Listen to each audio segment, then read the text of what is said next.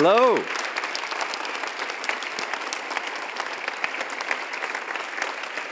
Good morning. Thank you very much. It's an honor to be here. Uh, this is, uh, I think, my fifth trip to Norway, but my first time here. So it's uh, been a very nice surprise. Very, uh, uh, just lots of good stuff. I, there's a little bit of a joke going on here because our first trip to Norway was a disaster. Um, just the long and short of it was we, we filled in a, a conference for Leif. He was uh, in a town nearby here somewhere, and uh, and my wife and I were traveling, and it just ended up not awesome. It was uh, we lost our luggage for four days while I was doing a conference, and she was um, wearing the same clothes and no no makeup, no hair products, no nothing at a conference, and uh, and it got worse from there. And, and, and that was that was the highlight. That was that was the that was the good part of the trip. So it's great to be back. You'll notice my wife is not with me though. You know, she hasn't been back, um, and she's half Norwegian. She just still hasn't got over it. So I'll, ha- I'll be I'll be. Uh, happy to report to her i had a great time. You should have came. It was a beautiful place. We had a great time. Let's let's do this again sometime. Oh every time i tell that story my norwegian friends are just like oh tell her wake it up to her. Like tell her yourself. Oh, well, we have a little bit of time and a long way to go, so I'm just going to jump right into things this morning. I, I really, my role in the, in the body of Christ is, is to, uh, to strengthen uh, the believers and, and, and lead them in, in getting healthier. I, I, mean, I love nothing more than the saints to get healthy while we take over the world, you know, while we bring heaven to earth and really are the light and the leaven to this planet. But it's, it's such, a, uh, such a bummer when we're not able to walk in the faith and the love that really is such a testimony of who, who our Lord is. And so sometimes we, we get all excited about the power and the authority and casting out demons and all the stuff, and we forget the really important stuff like the love, you know, which is actually the, the primary part, right? That's the, that was the number one. All the other stuff was not number one. And uh, so I, I, want us to, I want us to come back and just pay attention to our own heart connection to the Lord this morning. Because everything that we do flows from this unconditional supply of love through us and to the world around us. But sometimes we, we get a little disconnected or, or uh, misaligned with heaven because of things that happen on the earth.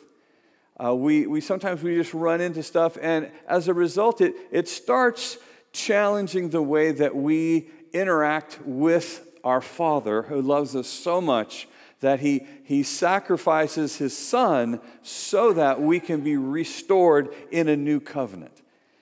And this, this life that he lives towards us is wrapped up in, in how we see him and the life of, of expectancy that we stand in of his goodness, of his glory, of his love for us. Realizing something that, that he has a perfect record, a perfect record of working things out in our lives.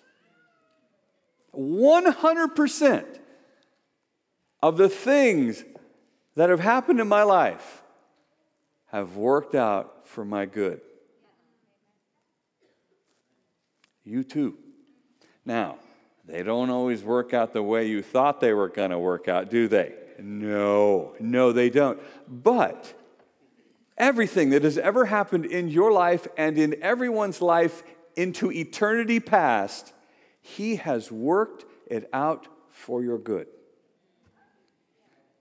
Not anybody that you know can say they have a 100% record of working stuff out for you.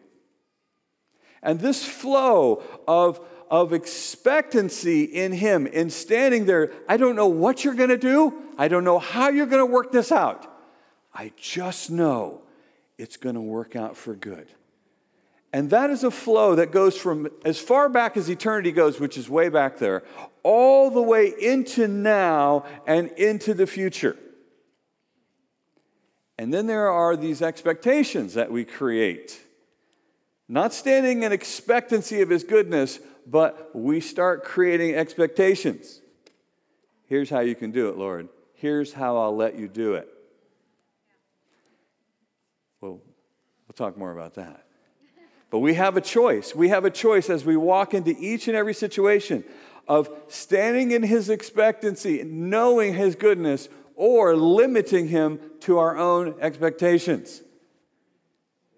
Every one of us has a choice to make. We, we, we, Jesus had to make a choice. Did you realize that Jesus going to the cross was a choice? It was a choice. He made a choice, he had an option. He's just like you and I in that he has to decide what he's going to do next. He gets to the garden. We, you know, there's this whole garden scene where Jesus and his disciples, it's the night before the crucifixion. And he's, he needs to pray about tomorrow. Tomorrow's a big day. He says to his disciples, Hey, I want you to see if you can stay awake for an hour. I'm going to go pray. He gets into the garden and it's like, you know, it's like he stepped into a phone booth, you know. Remember, remember a phone booth? You know, a little, little box on the side of the road somewhere, you know, and it had a phone in it that you couldn't take with you. It was had to stay in there. It was connected to the thing. You had to put money in there. Remember? It actually had to, had to carry money and put it in to make a call. I mean, ask your grandparents. They, they remember. yeah. It was it was it was the craziest thing. Well, it's like Jesus, this garden scene is like him walking into a phone booth. And he's like, Hey, hey, Dad. Yeah. Hey, hi. It's me, Jesus. Hi. Tell Holy I said hi. Yeah. Um, hey, I wanted to call. I want to talk about tomorrow. You know, I was just checking to see if is it is it still the same as we talked about. Is it, is it still going to happen the same way? Because uh, I just wanted to check in. You know, I didn't want to do that for the fun of it in case it's changed. Okay? Okay, same, same. We're still on? Okay, I was just checking. Just wanted to check and see if there's any other way we could do this. No? All right. Okay, well, not, not my will, but your will be done. Yeah. All right. I love you guys. Okay. All right. I'll see you in a few days. All right. Okay, bye bye.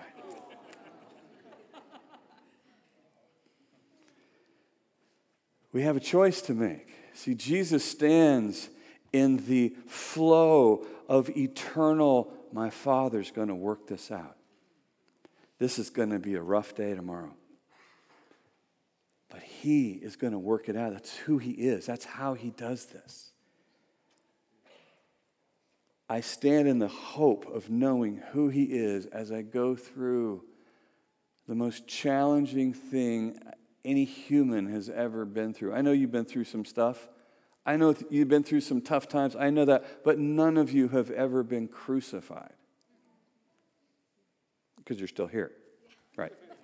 That's, that's how I know that. We, we, have a, we have a choice. We have a choice.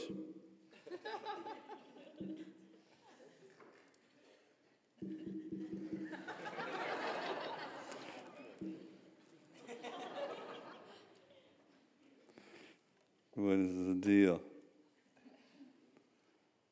That's never happened before. Let's do that. Let's try it again. There you go. Yeah. Everybody just needs a break every once in a while, you know? We, we, have, we have a decision to make between are we going to look at his goodness and, and, and this eternal flow of he works it out always, every time. I don't know why it's so challenging for us, except that it takes trust. It takes trust because for us to stand and to look at his perfect record of working it out every time, and for us to then turn and build our own little box. I'm going to build a little box. Here's how you can do it, Lord. Here's how you can do it. Did you notice that Jesus says, Not my will, but your will? I totally trust you. I don't know how you're going to do this. And this is scary. I mean, the Bible says he was sweating to the point of sweating blood. What? How stressed out can you be? Well, he knows what tomorrow holds. And it is brutal what tomorrow holds for him. And he stands there and says, Not my box be built, but your perfect flow happen in my life. Because we get scared, we get hurt, and we turn away from his flow, we step out of it, and we build a little box. And we say, okay, here's what you can do. You notice Jesus didn't say, okay, okay, but tomorrow I want the, the disciples to sleep in so they don't have to experience this. And I want my mom to be, get busy with some housework. And if you could knock me out early on this thing, that would be good. In Jesus' name, amen. See, this is how we build our, our faith. Is we come over, we step out of the flow of hope and knowing his goodness, and we turn to limiting him to what we can come up with. Here's how you can handle my situation with my children. Here's how you can handle my situation with my money. Here's how you can handle my situation with my health, and then I'll be okay. Amen man of faith, power. Not realizing that, you know, in order to stand here, it takes great trust. It's an exercise in trust. And why is trust such a difficult posture to take? Well, because many of us have been, we've been let down. Things did not work out the way we thought they were going to.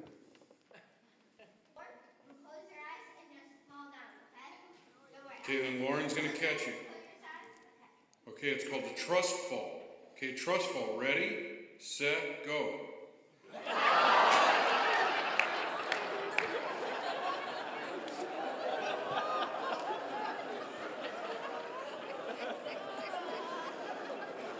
See, when we come over here and we build this box and we fill it with expectations of how God can function, we're just setting ourselves up for a fall. We're setting ourselves up for a big letdown because God, as loving as He is, will not be controlled by us.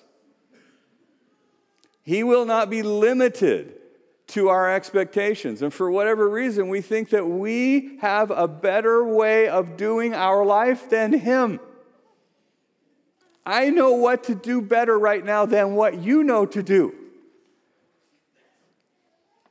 And we, we know that we think that because when it doesn't go the way we had told him for it to go, we, we, are, we are just so disappointed.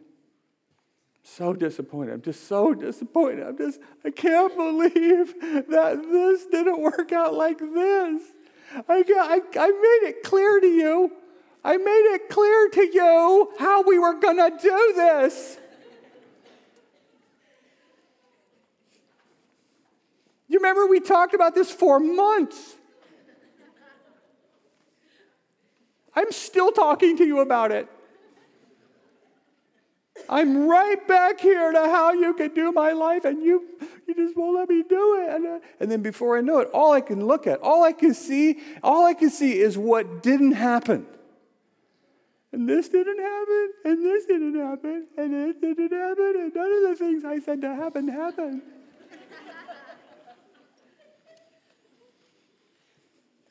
It's, it's, it's like God and the angels are up, up in heaven going, what, what is he doing in that box? And one of the angels says, Well, he builds this box every once in a while, and he, and he thinks that he could put you in it. And what he doesn't realize is the only one in his box is him. And all this stuff is happening all over. Look at, look at all the stuff that you're doing, Lord. Look at all of it. But all he can see is what's in his little box. Well, he must be miserable. He is. he's so miserable. He's, he's in there issuing threats right now. I'm not even going to read my Bible, and I'm not going to church. I don't know if I'm ever going to get over this. All of heaven should be afraid right now.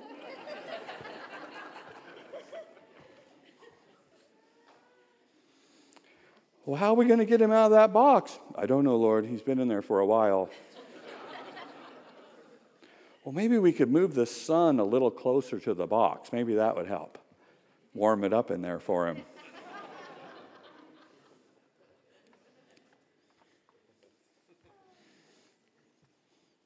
I become afraid. I become afraid of God. I think that the one who I think should be helping me is actually against me. I disconnect my heart. I disconnect from Him. I disconnect from Him to protect myself because He doesn't understand me. He's not for me. He's not working this out the way I thought it was going to work out. He's not letting me control him. He's not letting me be God.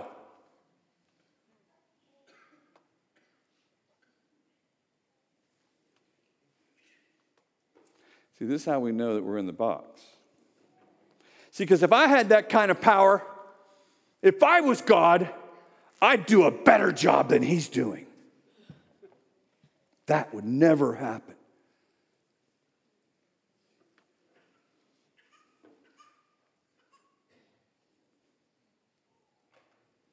This is how we know we're in the box. Because I got a better plan for how things should have worked out.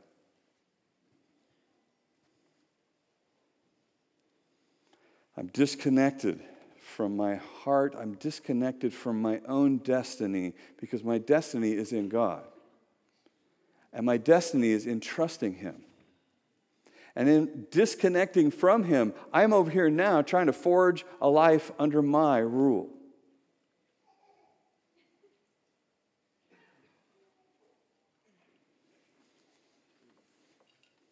I don't know why it's so tempting to end up in that situation. Because in that separation, in building a box of expectations, I have limited my own life to what I can think up. I have limited the outcome of my situation to what I could do. How I could orchestrate heaven. But if I step out of this box, if I just take a step away from my box, boom, this flow of hope and possibility opens up my life again. And I have a very different experience outside of my box. Why do we build this box? Why is it so easy to build a box, to stay in it, and then to throw a little tantrum in there? It's because we think we've got God figured out. Oh, oh yeah, oh yeah, I know what he's going to do. I know how he does this. Yeah, oh, yeah, I, I studied this portion of Scripture. I've got it all figured out. We think God is like church. We got, we got church figured out. We know it's going to start four minutes late. We know he's going to talk about some stuff, kind of waiting for people to get here. And then the worship team is going to get up there and sing a peppy song, and then sing some serious songs, and then some, some more peppy songs, and then we're going to leave that, and then we're going to have an offering and some bulletin messages, and then the pastor is going to try and uh, you know, give us a good message before the children come running back into the room. Amen. See, we got church figured out. We know that's why we go to that church. I go to this church because I got it figured out. I know what he's going to say pretty much. He better. Or I'm going to another church where they say what I think they're going to say. And we like to think that God is this guy we got all figured out, like we're just going to walk up, put some money in the machine, pushed a button, and poop, out pops a Coke.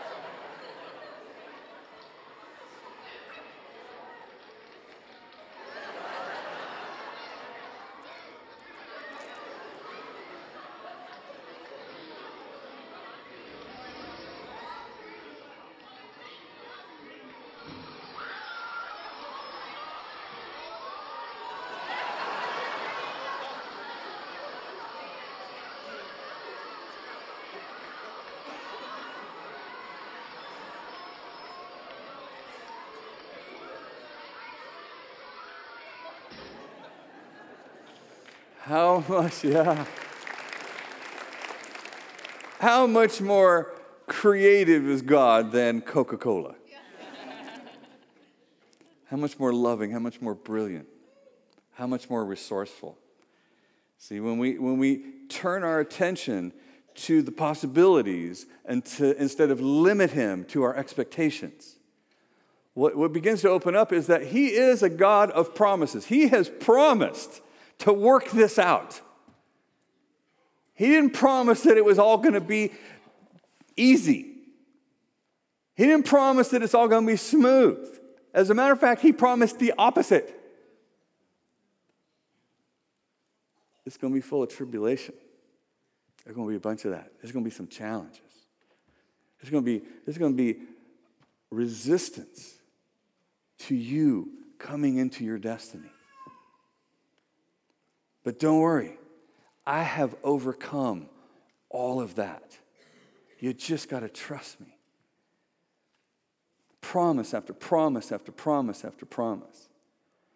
And so as I step away from my box, the, the flow of his perfection, of his goodness, lifts me up and brings me right back to remembering wait a minute, he has promised to work this out.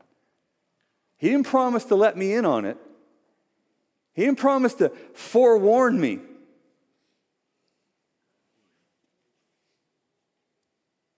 He didn't even promise to let me hold on to the steering wheel.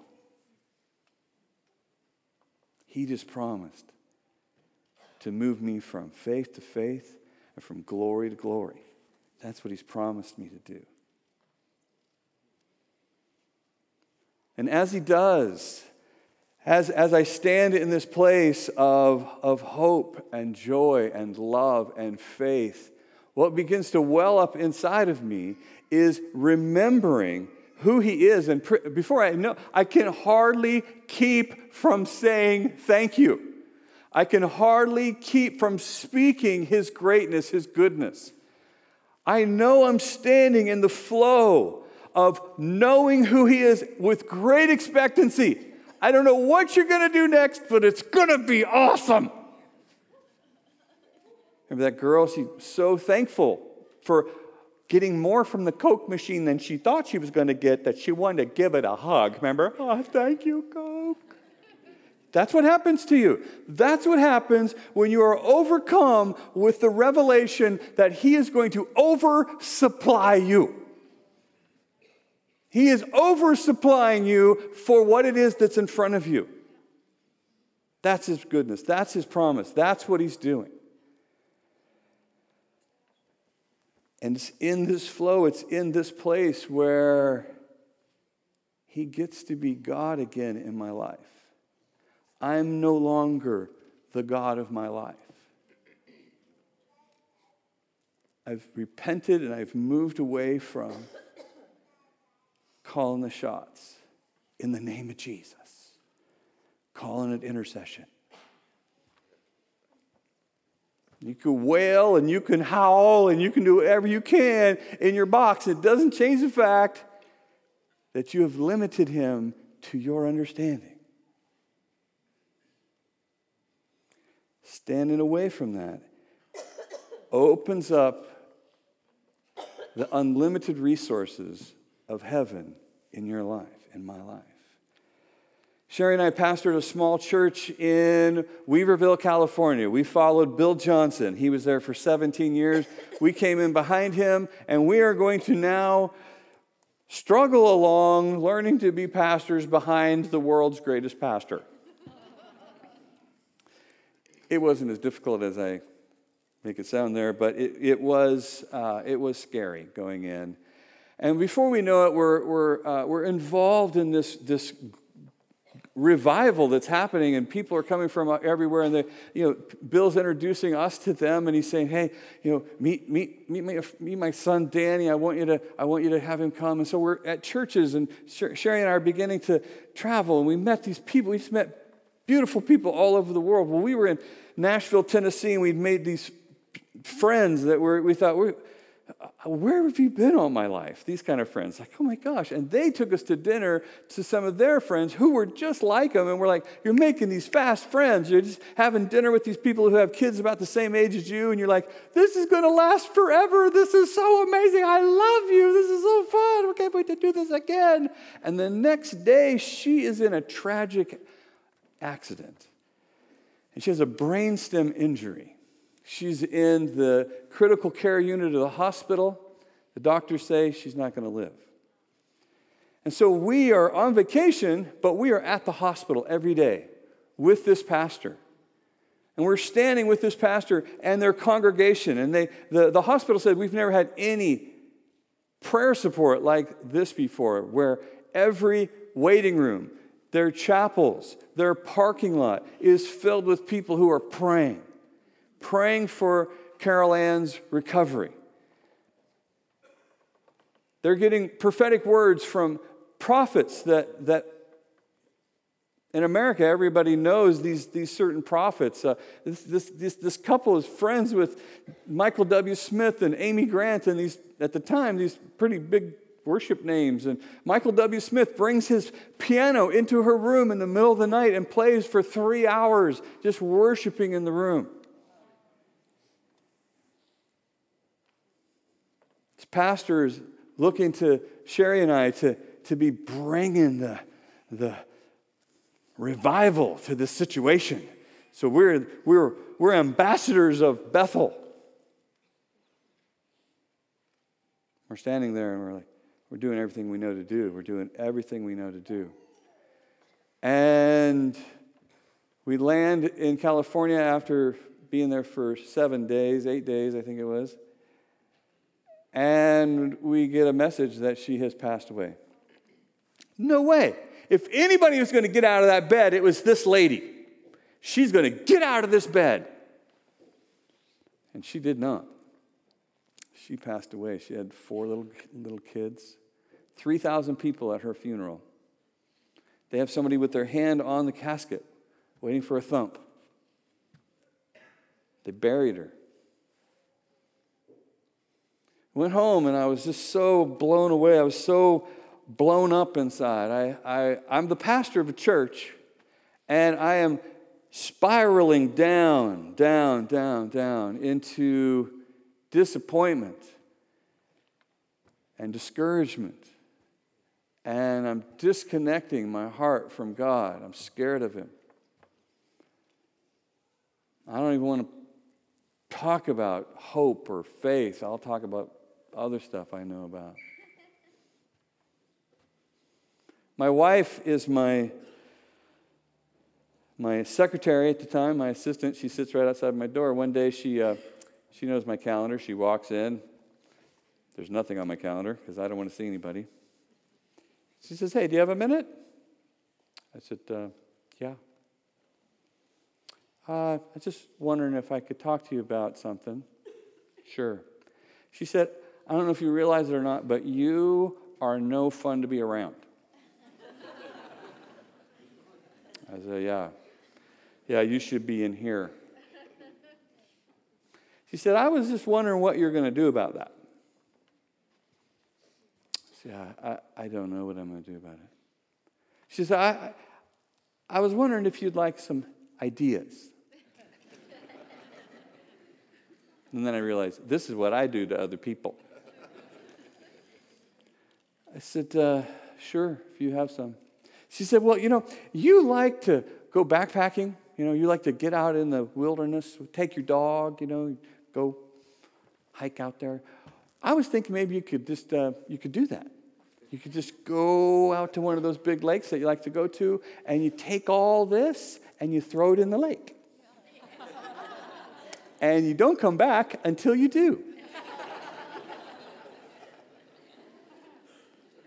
Said, that sounds like a great idea. So that's what I do. I get my dog, my truck, my backpack, and poof, go up to the trailhead, hike nine miles in to this beautiful Sugar Pine Lake, it's called. It's got a waterfall coming into it. It's just me and my dog out there. We get there, finally get there after this long hike to this lake. I drop my pack, and there I am. Just me and my dog. and my miserable self. I'm fishing. Stupid, probably no fish in this lake. I'm going to starve to death while I'm out here. I look over at my dog, and my dog says, You are no fun to be around. I know. I know. I feel it. I feel it. I do. Well, the sun goes down and the lights go out. And so I'm, I'm, I'm in bed early that night, and sun comes up, and the lights are on, and the heater's on your sleeping bag, so you're up. So I'm up, now I'm up. I'm like, oh gosh, I can't believe I'm up here with no cell coverage. I'm just alone here. And pretty soon, I'm having a conversation that I haven't had in a while, and that's I'm talking to God. And before I know it, I am mad. I am so mad. I'm so mad at you, God. I'm so mad that you let this happen. I can't believe that you let her die. And then you just left me hanging out there. I can't believe I haven't been that vulnerable. I haven't trusted that much. I can't believe you just let it fall to the ground like that. I can't believe this is what happened. I'm so scared of you. I'm so exhausted from being scared of you. There's no place to hide. I don't know what to do. I need some help. Will you help me? And I hear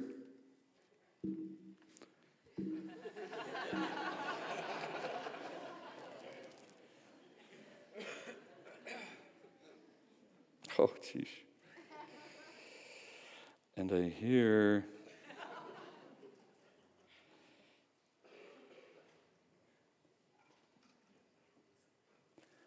Ezekiel. Ezekiel. Did you hear what I just said? Did you hear how tired I am? Did you hear how wore out I am? And you give me Ezekiel? Ezekiel. Okay? That's a wheel and the wheel and the four faces and all that. Like, I don't understand Ezekiel after a prophetic conference.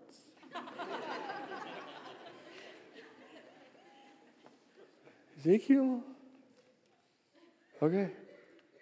Okay, Ezekiel. Ezekiel. Okay. All right. Where's Ezekiel anyway? I don't remember where it is.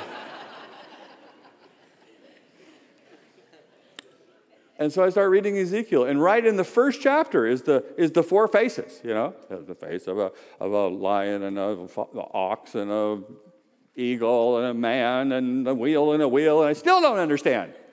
I still don't understand what you're saying here. And I turn the page and I get to the bottom of the second page, and in my Bible, the footnotes say Ezekiel means God will strengthen. And I burst into tears because I'm like, oh, you are here with me. You are you didn't leave. You didn't you didn't forsake me. It was, it was as though in that moment I took a step away from my box. As soon as I had just recognized I was in this box, I was holding God in judgment of not letting me be in control of the situation and I step away from the box, and wham, he said, I will strengthen you. I understand. Sometimes there's a box. I'm not sure why, but I understand. And I'm with you. I'm right here. I'm right here. And this hope just wells up within me. And pretty soon, I go from, I don't want to talk to God to I'm looking through the book of Acts and we're going back and we're going through the book of Acts, church, and God is a God of miracles and power. Because this is so this is what happens to us when I get out of the box, I'm actually back in hope again. And hope is always trying to make a declaration. The declaration, let's try this one more time. Let's do this one more time. Let's, let's step into this one more time. Let's watch what God can do when you stop limiting Him to your life of resource. He loves us so much, and he, he, he, he doesn't control whether we go in the box or not. He just, he just controls who he is, and it's constant. I have uh, three grandchildren. Uh, this is Adeline. She is my middle grandchild. She is almost eight years old now. She was, at one point, four years old. She was four years old, and we, we all lived together. My, my daughter's family and Sheri and I, we lived together. And uh, so I, I, get, I get to put my grandchildren to bed. They wake up, they sleep in my bed, they, they're home when I get home.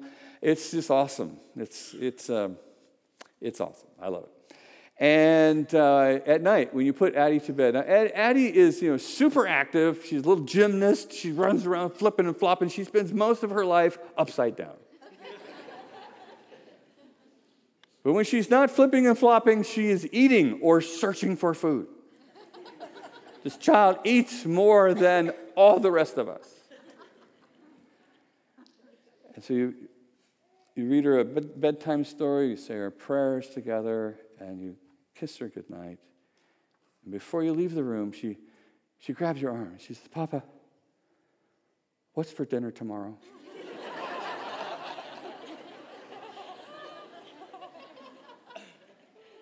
I don't know, baby. I don't know, but it's going to be good. It's going to be good. Don't you worry about it. That's, that's my job. I'll go find some dinner. You just go to sleep. You're four. You're four. There's going to be dinner. It's not your job. I got it. And that's the invitation. That's the reality. That's our loving daddy putting us to bed at night saying, Hey, I got this. I know you had a rough day, but you're four. I got this. I know it seems like a big deal. And it even feels like it might be productive if you worry about what's for dinner tomorrow but it's not your job. I got this. Amen? Amen. Let's all stand together.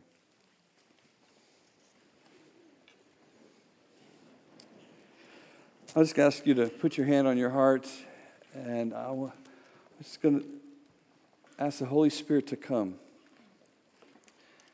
And there's a really good chance that there's people in this room, and um, you built a box. You built a box, and there's grace here this morning to step away from your box. Holy Spirit, I pray that you come and you just minister to our hearts right now. Lord, help us to see your goodness, your, your vast goodness in our lives. That we are dearly, dearly loved children.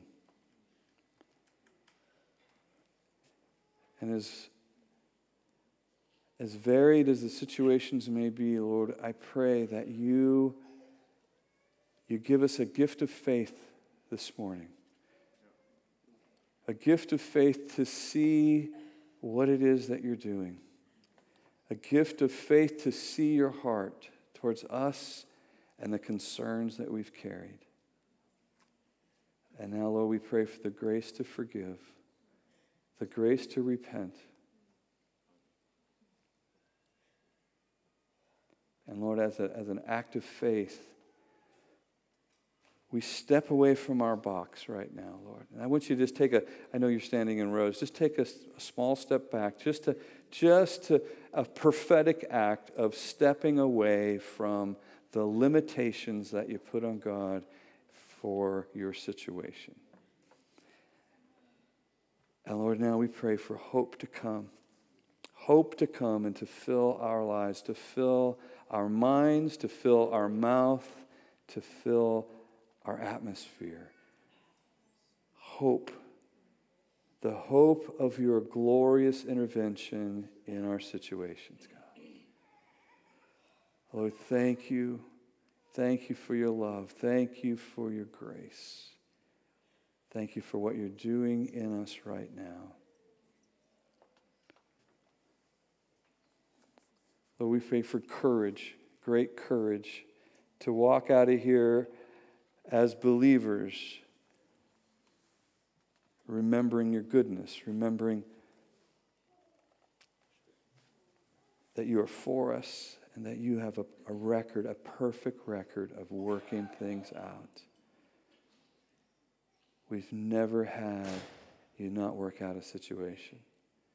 Some situations are in process, but we've never had a situation that you've not worked out ultimately for our good. Thank you, Lord Jesus.